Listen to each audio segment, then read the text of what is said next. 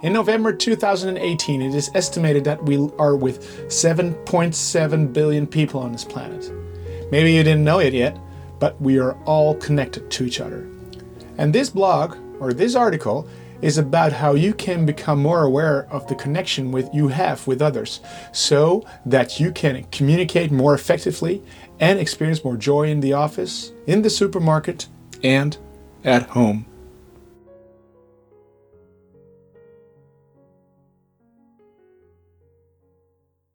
In the first years that I worked at an engineering firm, I made a lot of calculations using a computer model.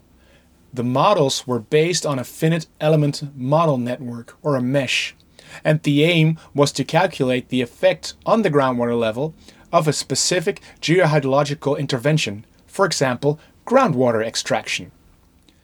In the model, you could add various parameters such as precipitation, the permeability of a soil layer, or the resistance of a riverbed. You could adjust these and many other parameters. And soon I realized that if you changed only one parameter on a particular node, this had an effect on the whole model, on the whole system. We are all connected, just like a geohydrological model. For example, I write this article where you get something valuable which you can apply in your life something that helps you become more effective or happier. That has an effect on your environment. How can you be more connected with others?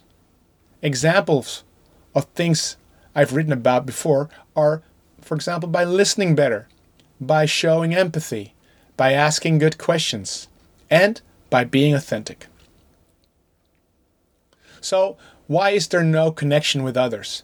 That is because we are often distracted. We are distracted by so many external factors, such as our colleagues, our customers, our family, news, and last but not least, our mobile phone.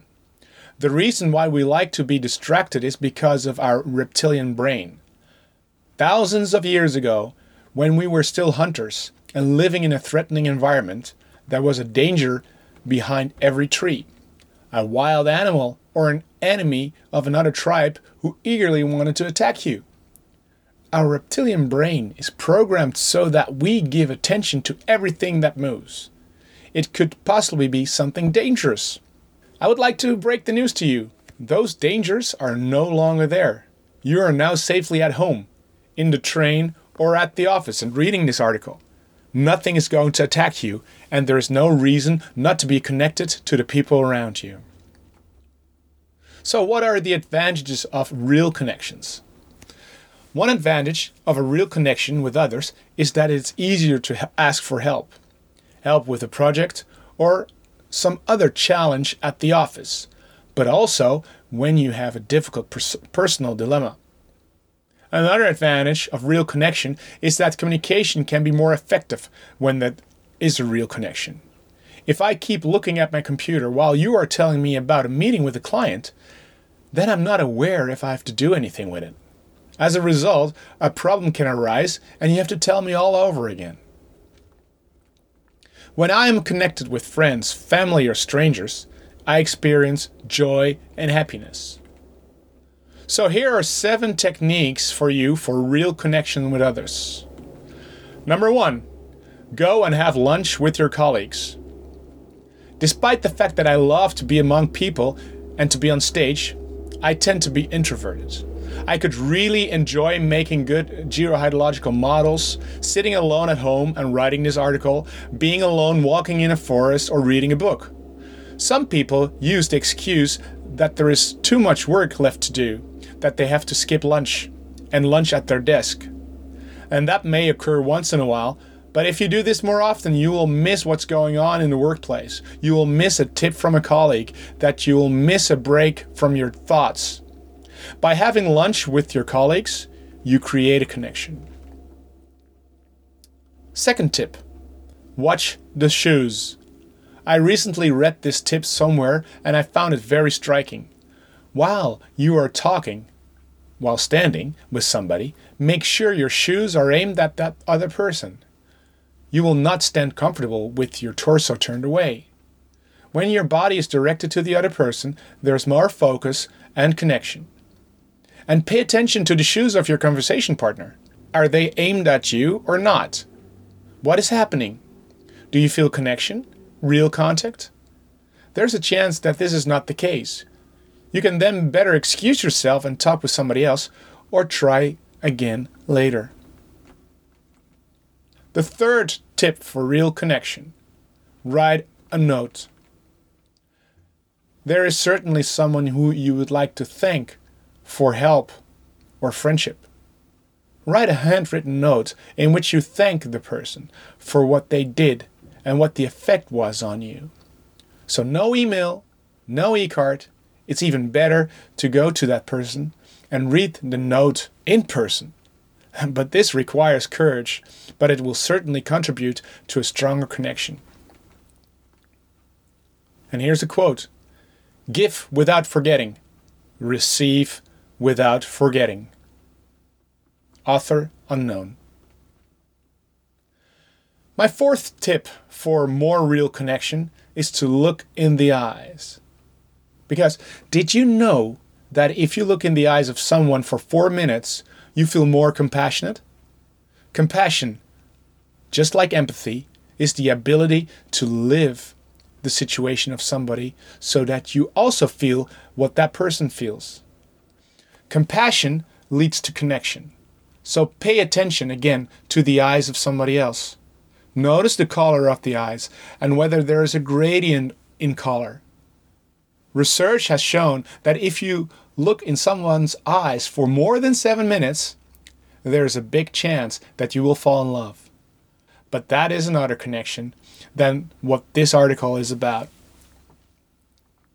Number five, for more real connection, smile.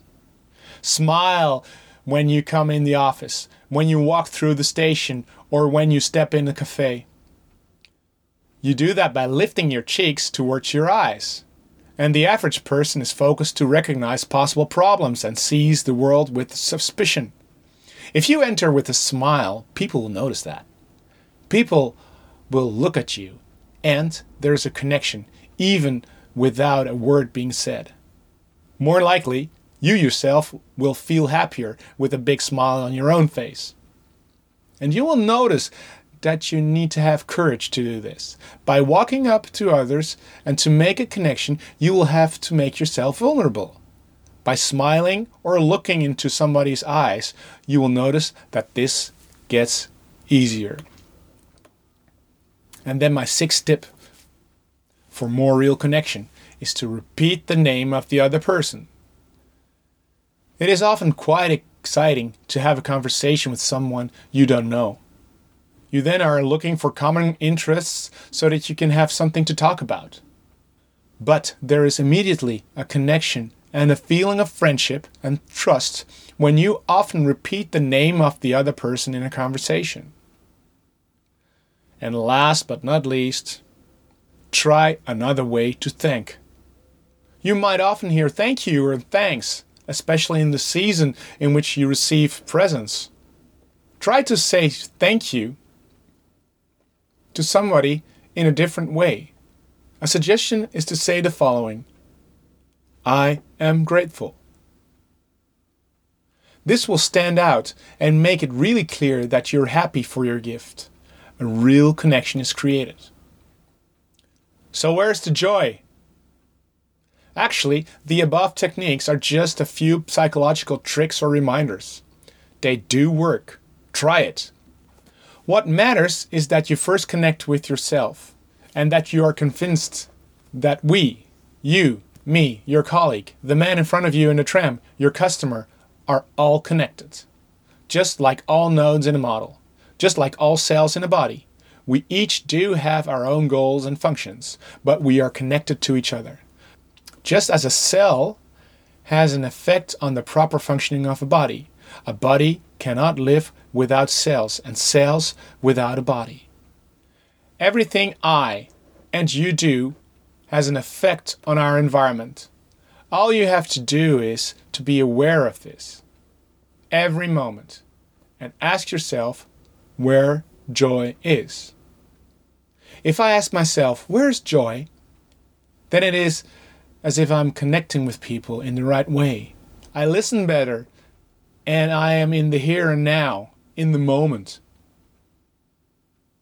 Here's a quote by Steve Pavlina Think at the level of the body, act at the level of the cell.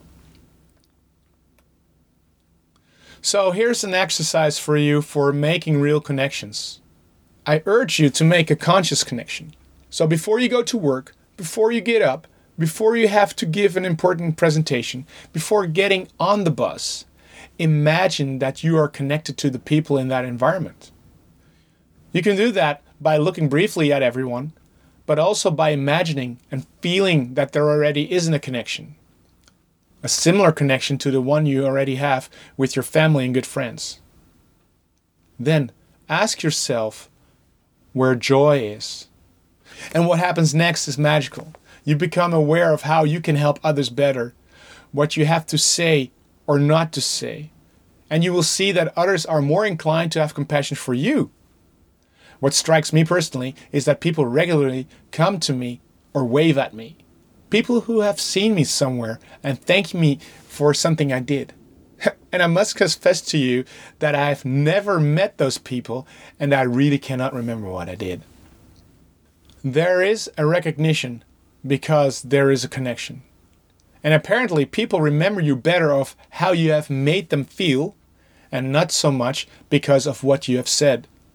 The art is then to act on it by listening carefully or asking the right questions and making the right decisions that are good for the whole. So, what are your experiences when you consciously connect with others? How do you make a real connection?